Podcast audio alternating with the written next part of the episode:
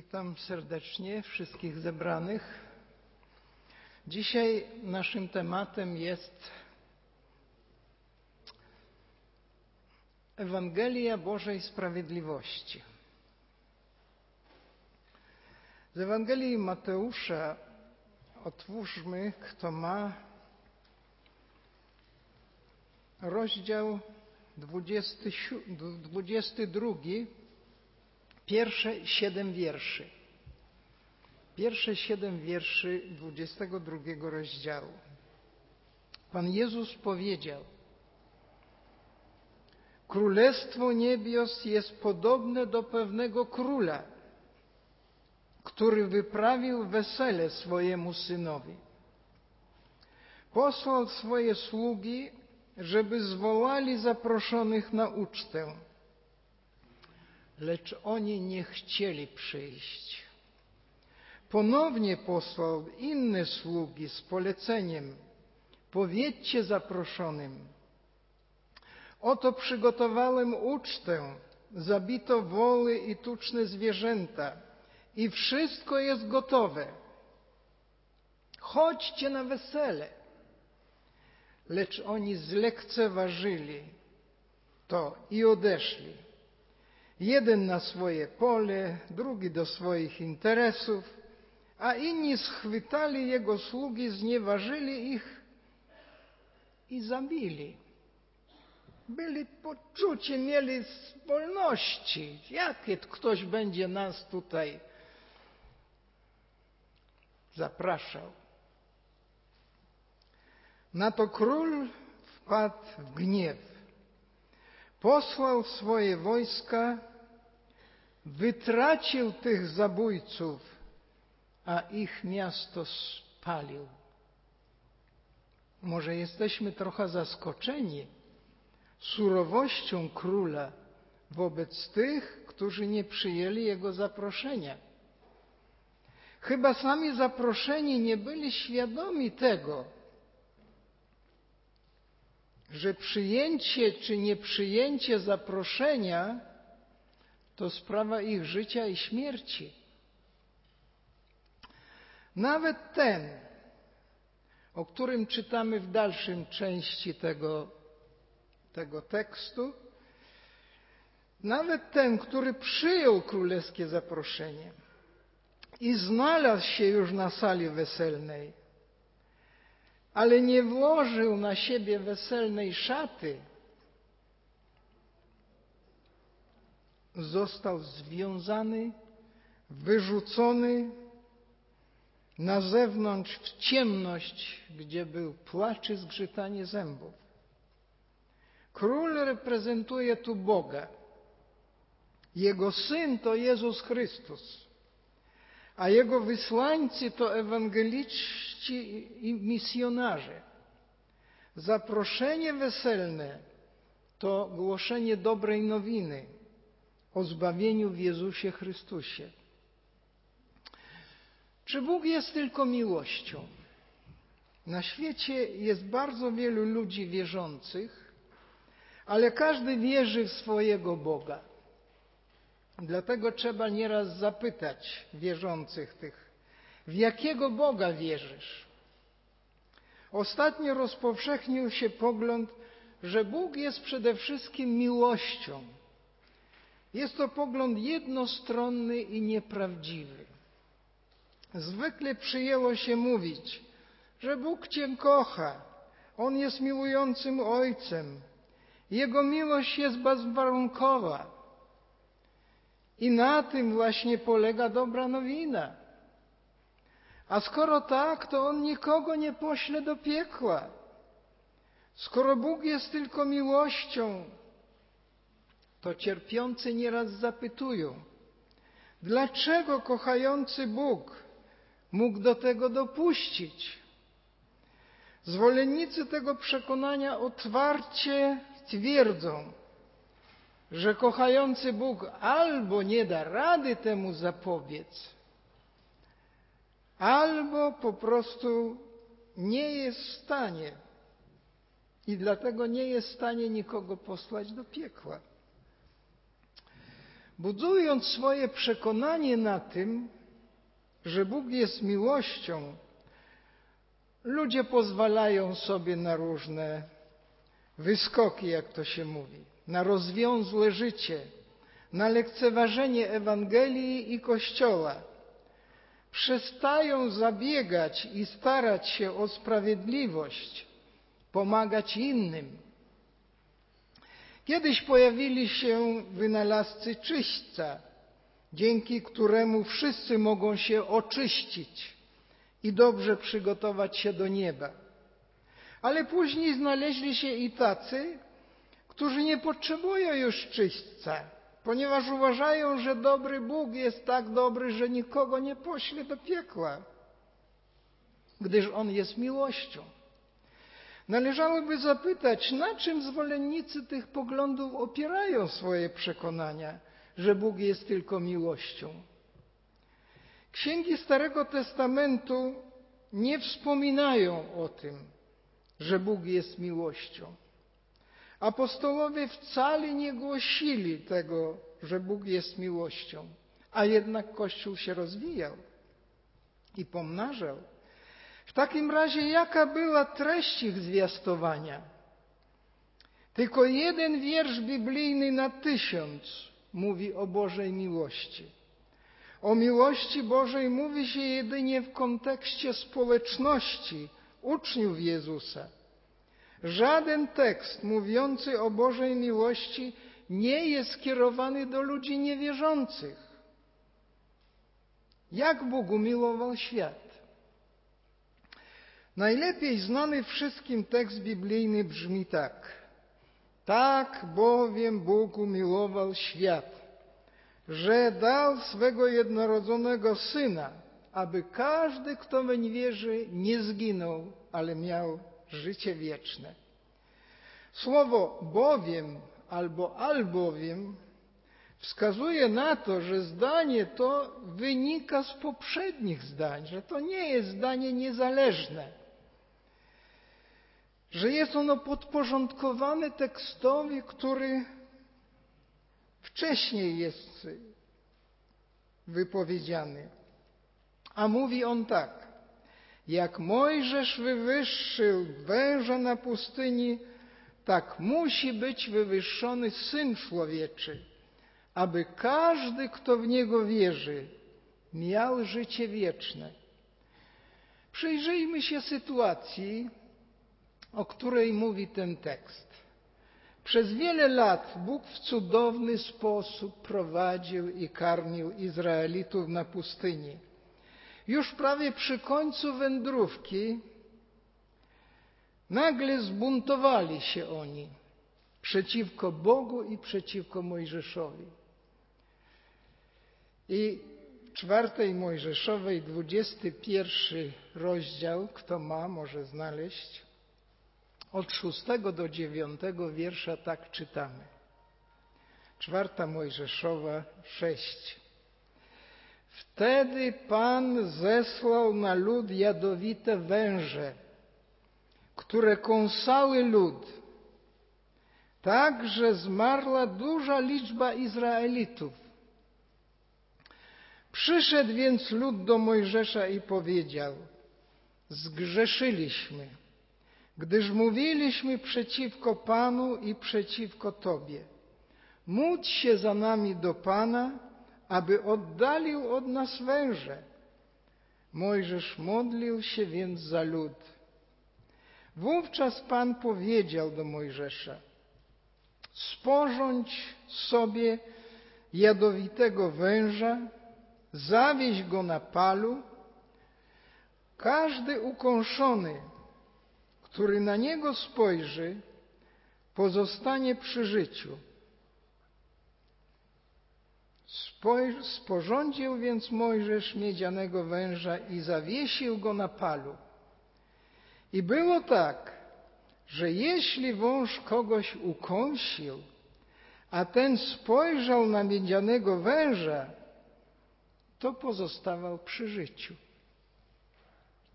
Boża dobroć nie wyklucza karania za złe postępowanie. Bóg nie zamierzał usunąć groźby śmierci, a jedynie dał sposób na jej uniknięcie. Nawet po wystawieniu węża miedzianego, jadowite węże nadal kąsały Izraelitów. Boże miłosierdzie zostało im ukazane po to, aby ukąszony, jeżeli zechce, żeby spojrzał na tego węża miedzianego z wiarą. Jak Mojżesz wywyższył węża miedzianego, tak został wywyższony Syn Człowieczy. Grzech i śmierć nadal szaleją, ale w tym zamęcie niesprawiedliwości został dany znak nadziei. Ukrzyżowany Chrystus. Boża miłość nie usuwa grzechu i bezprawia, lecz proponuje lekarstwo. On, jak mówi się teraz, u kresu czasu, jeden raz się pojawił, aby zgładzić grzech przez własną ofiarę. Bóg tak umiłował świat, jak umiłował kąsanych Izraelitów na pustyni. Nie zabiega On o to, aby pomagać każdemu grzesznikowi w tym świecie, dbać o jego powodzenie w życiu, ponieważ miłość Jego jest, nie jest bezwarunkowa. Dlaczego jest w życiu tyle grzechu i zła? Ponieważ ludzie nie korzystają z tego lekarstwa, które Bóg im proponuje. Lekceważą Jego nakazy, Jego Kościół i wciąż liczą na Jego miłosierdzie. Uważają, że skoro Bóg jest miłością, to nie może dopuścić, aby zostali oni skrzywdzeni. Ale Boża miłość została ograniczona wyłącznie do Chrystusa. Poza Chrystusem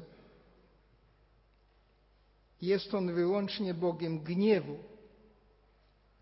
Poza Chrystusem jadowite węże nadal śmiertelnie kąsają.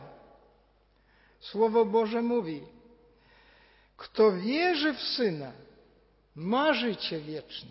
Kto nie jest posłuszny Synowi, nie doświadczy życia, ale gniew Boży pozostaje na nim.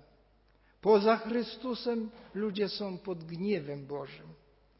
Miłość Boża do grzesznika nie polega na tym, że dba on o to, aby temu grzesznikowi jak najlepiej się powodziło w życiu, aby był zdrowy i bogaty.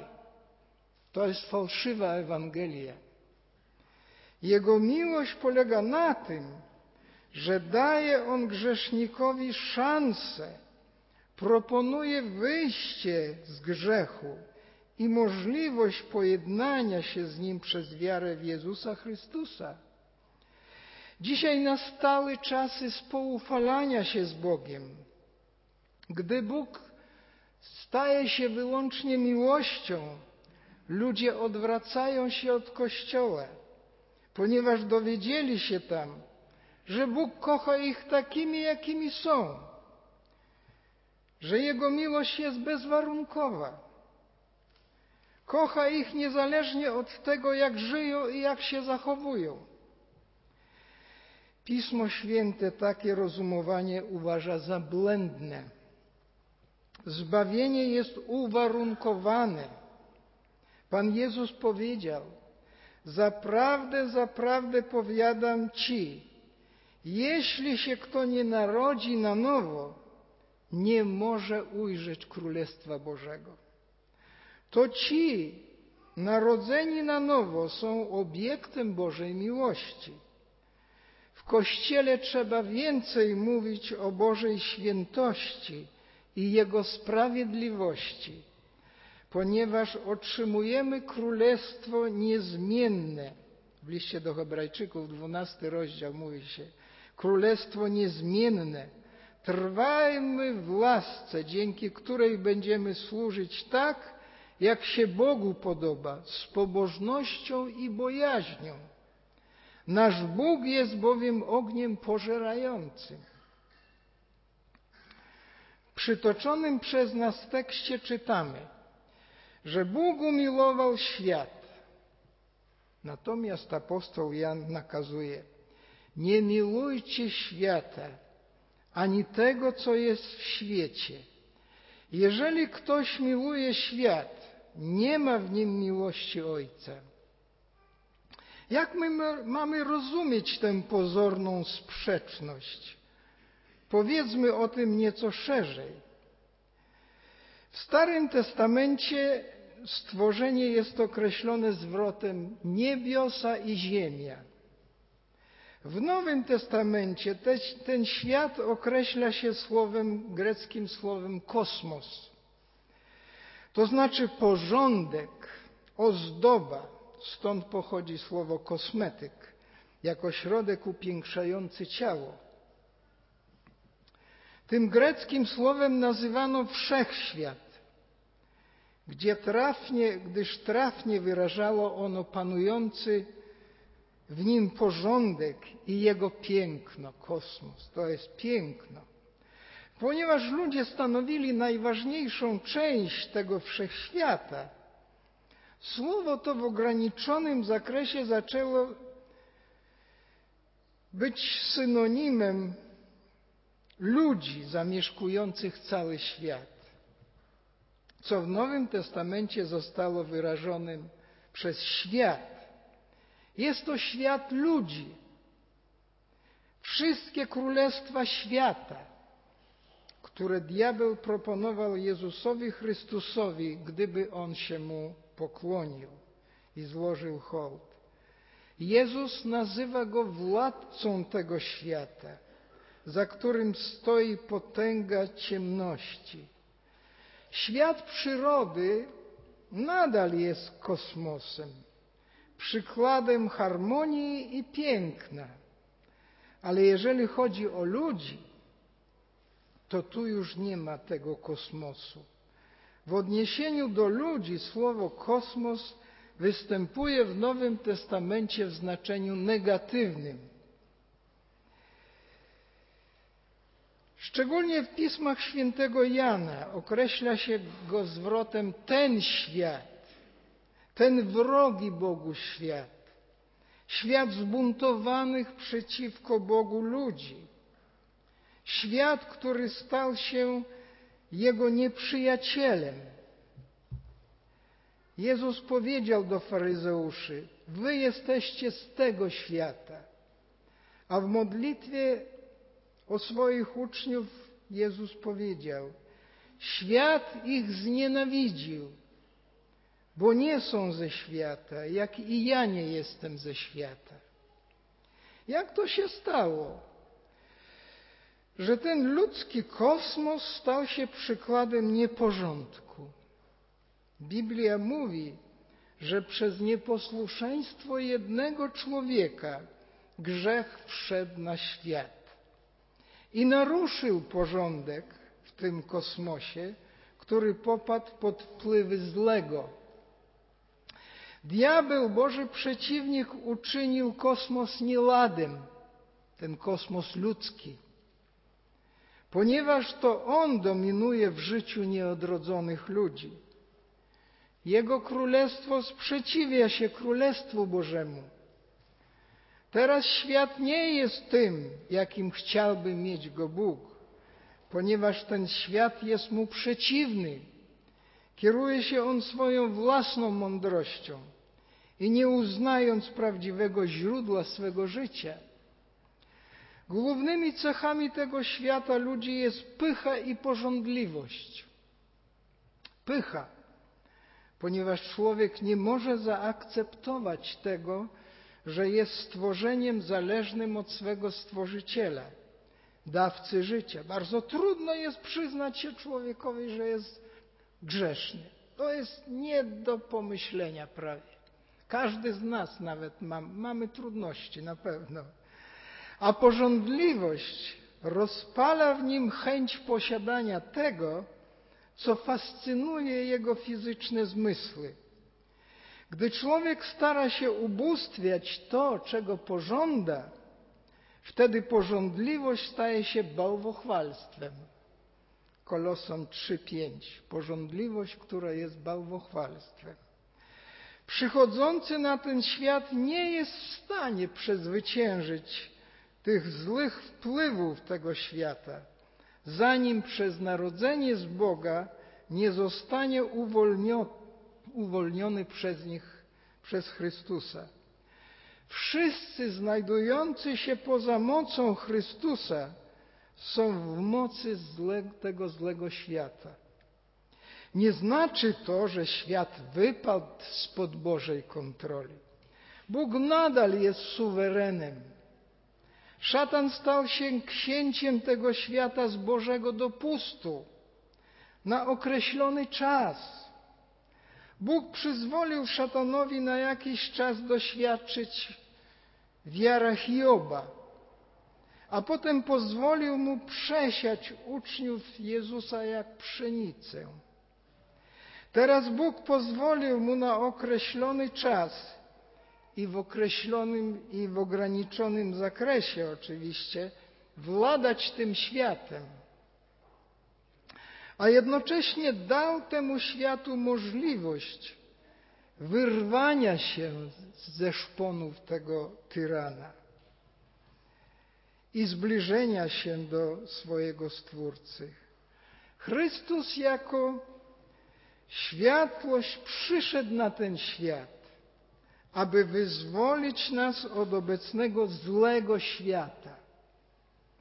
Pisząc do wierzących w Kolosach, Paweł powiedział, że Bóg wyrwał nas z ciemności, z mocy ciemności. Wyrwał. To niełatwo było. Byliśmy przyrośnięci. Bóg wyrwał nas z mocy ciemności i przeniósł do królestwa syna swego umiłowanego. A do wierzących w Tesalonikach powiedział: Wy, bracia, jednak nie przebywacie w ciemności. Wy wszyscy bowiem jesteście synami światłości i synami dnia. Chrystus przyszedł na ten świat, aby wyzwolić nas z obecnego złego świata, zgodnie z wolą naszego Boga i Ojca. Galacjan 1:4. Dzięki Jezusowi Chrystusowi teraz człowiek może opuścić środowisko ciemności i grzechu i przejść do królestwa Jego umiłowanego Syna. A kto tego nie uczyni, podzieli los szatana. Pan Jezus powiedział: Kto wierzy w Syna, ma życie wieczne. Kto zaś nie jest posłuszny synowi, nie doświadczy życia, ale gniew Boży pozostaje nad nim. Kto jest poza Chrystusem, ten znajduje się w ciemności, w strefie Bożego gniewu, a nie Jego światłości i miłości. Ludzi tych można byłoby porównać do kierowców, którzy w nocy poruszają się przy wyłączonych światłach. Stąd tak dużo kolizji i nieszczęśliwych wypadków. A przecież producenci samochodów zainstalowali w samochodach zarówno światła przednie, jak i tylne, by można było bezpiecznie poruszać się nimi i w ciemności. Nieprawda? Bóg też wyposażył człowieka w takie światła swojej miłości i mocy. Ale to jego niepoprawne stworzenie wyłączyło te światła i pogrążyło się w ciemności. Pan Jezus powiedział: Światłość przyszła na ten świat, lecz ludzie co? Bardziej umiłowali ciemność niż światłość, wyłączyli światła, ponieważ złe były ich uczynki. Boża miłość jest skierowana wyłącznie do tych, którzy przebywają w światłości. Ponieważ jeśli chodzimy w światłości, 1 Jana 1,7, podobnie jak On jest w światłości, to trwamy we wspólnocie, a krew Jezusa i Jego Syna oczyszcza nas od wszelkiego grzechu. Jeżeli trwamy światłości, a jeżeli nie trwamy, to Jego krew nie oczyszcza. Krew Syna Bożego nie oczyszcza. W swojej arcykapłańskiej modlitwie Jezus powiedział: Nie proszę za światem, ale za tymi, których mi powierzyłeś, ponieważ należą do Ciebie. Wiedział, że po jego odejściu jego naśladowcy ściągną na siebie nienawiść tego świata, której on sam doświadczył. Jako zmartwychwstały i uwielbiony Chrystus nadal wstawia się on nie za światem, lecz za tymi, którzy są Jego, ale jeszcze żyją w tym świecie. Mają oni być światłem i solą tego świata, ponieważ świat ten nadal jest światem Bożym, choć znajduje się jeszcze pod wpływem złego. Zło w tym świecie nadal dominuje. Są jednak, jak mówimy, dobrzy ludzie. Jest to jednak pozorna dobroć, powierzchowna ze względu na wykształcenie, kulturę, cywilizację, ludzie tego świata mogą wydawać się być dobrymi i pobożnymi. Gdy jednak zniknie prawo karne, państwo przestanie pilnować porządku, wychodzi na jaw prawdziwa, grzeszna natura człowieka – grabieże, gwałty i zabójstwa to naj, i to na najbliższych ujawniają prawdziwy stan duchowy tych ludzi. A nawet w czasie pokoju i dobrobytu wciąż kwitnie oszustwo, kradzieże, zabójstwa.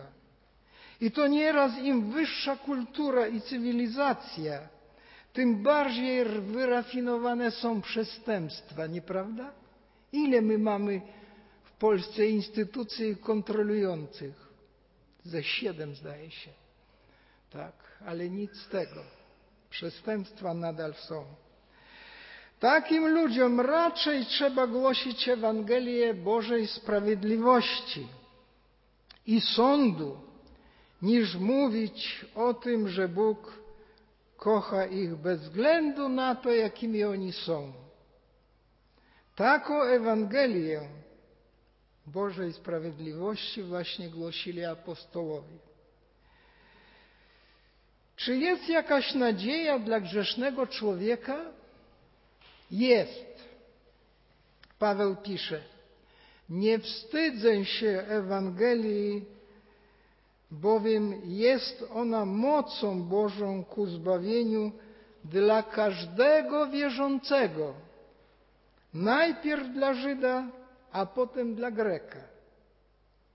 Bo w niej bywa objawiona sprawiedliwość Boża z wiary ku wierze, jak napisano, a sprawiedliwy z wiary żyć będzie.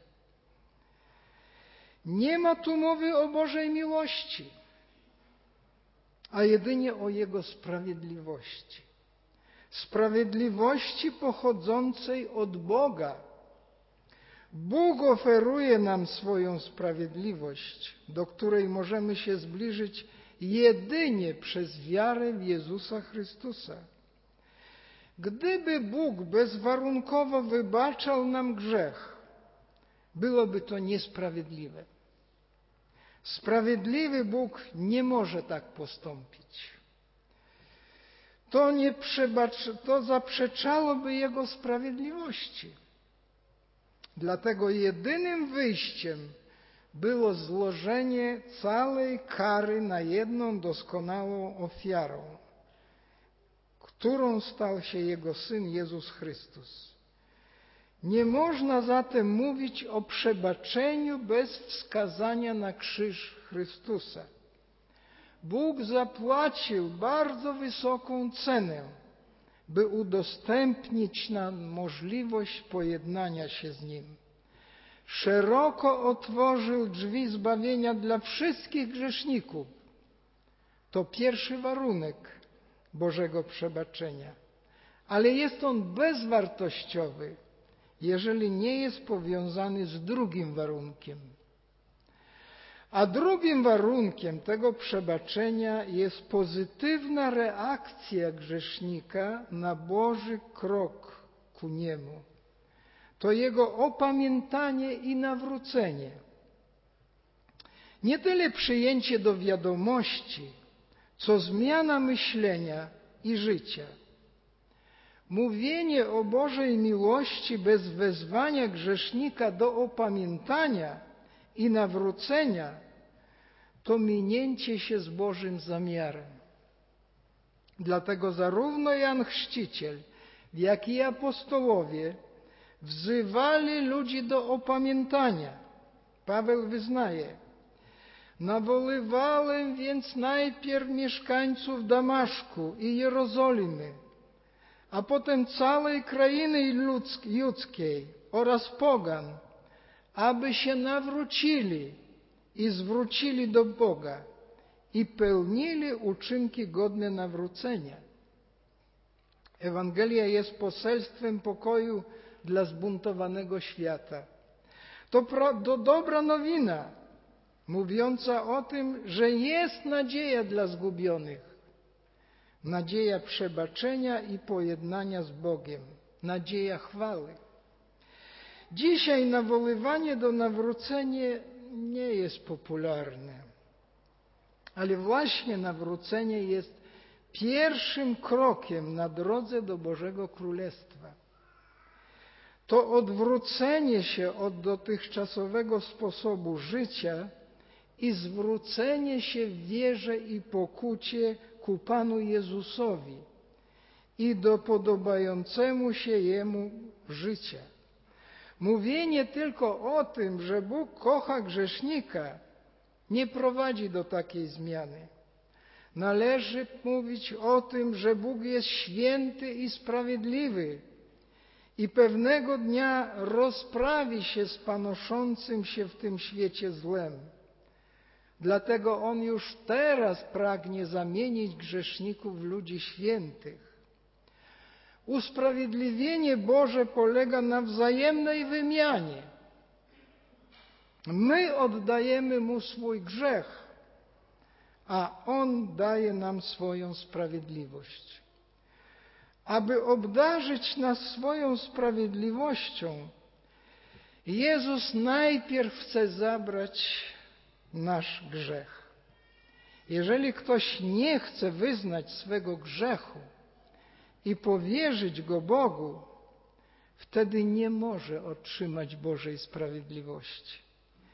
W jednej z chrześcijańskich książek przeczytałem takie opowiadanie e, o takim e, posiadaczu ziemskim, irlandzkim posiadaczu ziemskim, który ogłosił zatrudnionym w swoim majątku bardzo ważną wiadomość. A mianowicie we wszystkich ważnych miejscach ogłosił takie, takie ogłoszenie rozlepił. Przyszły poniedziałek o godzinie dziesiątej będę w swoim biurze. Jeżeli ktoś ma jakikolwiek dług jakiekolwiek zadłużenie. A wszyscy podobno mieli ogromne zadłużenie, nie byli w stanie spłacić. Jeżeli ktoś chce, aby jego dług został spłacony, poniedziałek o godzinie 10 przychodzę do swego biura. Proszę przy, przyjść ze swoimi kwitami zadłużenia. Ludzie zaczęli dyskutować. Jakiś podstęp, jakaś propaganda. Nikt dotąd im tego nie proponował. To jakaś pułapka. Oszalał chyba nasz, nasz pan, czy co? No i przyszedł poniedziałek. Równo o dziesiątej przyszedł ten pan do swego biura. Ludzi zgromadziło się dużo, dyskutują i tak dalej, wyśmiewają, jak to naiwniak jakiś, co jakiś to chwyt, to jest nie, nie, nieprawdopodobne. Niektórzy mieli te swoje kwity, a niektórzy nawet nie wzięli, bo się wstydzili, oni nie są zadłużeni. I czekali, żeby ktoś wyszedł i powiedział im, że on naprawdę skasuje długi. Ale nikt nie wszedł, i nikt nie wyszedł.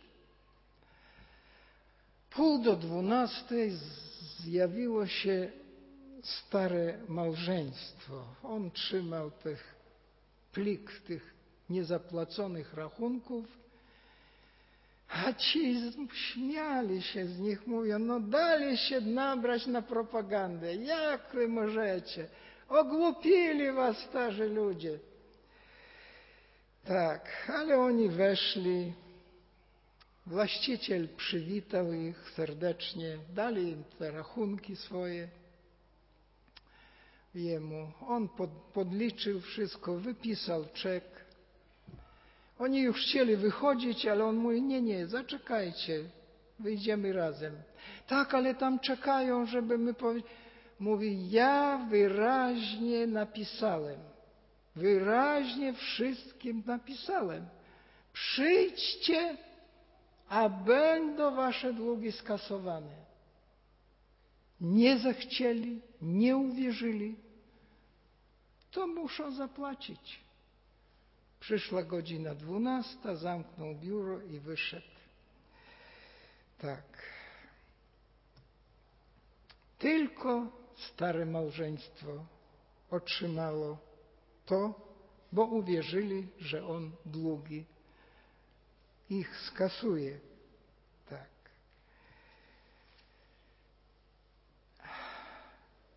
Tylko, tylko to jedno małżeństwo. Tak Bóg okazuje swoją miłość grzesznikom. Ogłasza amnestię, przebaczenie, ale najpierw muszą oni uwierzyć Jego Słowu, przyjść do Jego biura i przynieść Mu w modlitwie swoje grzechy.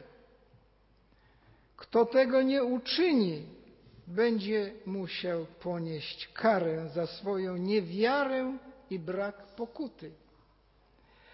Mówienie tylko o tym, że Bóg nas kocha i niczego od nas nie oczekuje, jest fałszowaniem Ewangelii. Ludzie mają skłonność do usprawiedliwienia, usprawiedliwiania siebie. Są zaślepieni na swój grzech, dlatego nie widzą potrzeby, aby go wyznawać. Lubią porównywać się z innymi, tymi gorszymi od siebie i dlatego nie widzą potrzeby nawrócenia. Ich dobre uczynki nie są w stanie im pomóc w tej sprawie. Jak mówiłem, pani Wellman pisała, stanę przed Bogiem i powiem, nikogo nie zabiłam, dzieci dobrze wychowywałam, dużo dobrego zrobiłam, mam dobrych przyjaciół, Hmm. I co mi, Panie Boże, tu zarzucisz, nie? Ale jeżeli ktoś z takim nastawieniem idzie do Boga, to niech wie, że Bóg go na pewno nie przyjmie. Na pewno nie przyjmie. Bo dobre uczynki nie są w stanie pomóc w tej sprawie. Paweł który przed swoim nawróceniem uważał się za człowieka sprawiedliwego, ale po nawróceniu do Chrystusa wszystko uważał za szkodę, za stratę, za gnój powiedział. Powiada on, wszystko uznaję za stratę ze względu na przewyższające wszystko poznanie Chrystusa Jezusa, mojego Pana. To jest najważniejsze. I Bóg tylko na takich warunkach przyjmuje. Przez Jezusa Chrystusa jako jedyne drzwi zbawienia. Z Jego powodu wszystko, powiada, poczytuję za nic i uważam za śmiecie, aby zyskać Chrystusa i zjednoczyć się z Nim. Nie dzięki mojej sprawiedliwości wynikającej z prawa, mówi, lecz dzięki sprawiedliwości osiągniętej przez wiarę w Chrystusa, sprawiedliwości z Boga na podstawie wiary, nie mojej, tylko Jego sprawiedliwości. Wysokie mniemanie o własnej dobroci powstrzymuje wielu ludzi od zbliżenia się do Boga. Są oni zadowoleni z samych siebie i dlatego trudno im jest przyznać się do potrzeby przebaczenia. Skoro, jak uważają, Bóg ich kocha takimi, jakimi są, to po co mają się trudzić? Po co mają pokutować? Po co czytać Pismo Święte? Chodzić do kościoła? Jezus i apostołowie głosili Ewangelię Bożej Sprawiedliwości. Mówili zarówno o Bożym gniewie, jak i o Jego miłości. Ewangelia jest nie tylko Bożą propozycją, przepraszam, Ewangelia jest tylko Bożą propozycją przyodziania człowieka w sprawiedliwość i świętość, przemienienia grzeszników świętych. Ale stanie się to tylko wtedy, gdy ci grzesznicy opamiętają się, nawrócą się, w pokucie wyznają swoje grzechy i przyjmą Pana Jezusa do swego życia. To jest ta druga strona. Można komuś ofiarować wielkie prezenty, a jeżeli on nie przyjmie, to co z tego? Wszystko na nic. Mówienie tylko o tym, że Jezus przyjął na siebie nasz grzech i został ukarany za nasze winy, niczego nie zmienia. Zmiana w życiu grzesznika dokonuje się wtedy, gdy wyznaje on swój grzech Bogu i przekazuje go Chrystusowi. Jeżeli nie ma wyznania grzechu, to nie ma i przebaczenia. Bo jak można przebaczać temu, kto jest niewinny? Nie ma przyodziania się w Bożą sprawiedliwość. Kto nie porzuca swoje grzechy, ale nadal, nadal trwa w nich, ten nie skorzysta z Ewangelii Bożej sprawiedliwości. Drogi przyjacielu, jeżeli liczysz na to, że Bóg wysoko oceni Twoje szlachetne życie, to nawet nie oczekuj, że On Cię przyjmie, bo takich On ludzi nie przyjmuje. On ma swoje zasady sprawiedliwości. Dlatego przyjdź do Niego raczej ze swoimi niezapłaconymi rachunkami, z Twoimi grzechami pychy i porządliwości. Ukusz się i w imieniu Jezusa Chrystusa prosi o ich przebaczenie. Uwierz, że teraz Potępienie nie zagraża tym, którzy są w Chrystusie Jezusie. Rzymian 8:1. Niech dobry Bóg dopomoże Ci podjąć ten krok. Módlmy się. Panie nasz Boże, dziękuję Ci serdecznie za Twoją Ewangelię. Tak jak ten wąż miedziany na pustyni był znakiem nadziei dla pokąsanych przez węży Izraelitów. Tak krzyż Jezusa Chrystusa dzisiaj też jest znakiem nadziei. Ty tak jak wtedy ich umiłowałeś, tak i teraz umiłowałeś ten świat, dając ten znak nadziei, otwierając te drzwi zbawienia przez Jezusa Chrystusa ukrzyżowanego. Dopomóż, dobry Panie, mówić i przekonywać ludzi, aby wyznawali swoje grzechy, aby pokutowali, nawracali się i przybliżali do Ciebie w pokucie i wierze. Dobry Panie, bo Ty jesteś nie tylko miłującym, ale Ty jesteś też i nienawidzącym grzech. I Ty jesteś surowym władcą i tym królem, który surowo karze tych, którzy odrzucają Twoje poselstwo, którzy uważają, że jest ono mało ważne, bo oni mają wiele innych spraw na głowie. Dobry Boże, dopomóż być głosicielem Twojej sprawiedliwości i Twojego sądu i wzywać do nawrócenia i pojednania się z Tobą na Twoich warunkach przez Jezusa Chrystusa, naszego Pana i Zbawiciela. Chwala Ci niech będzie za wszystko oddana. Amen.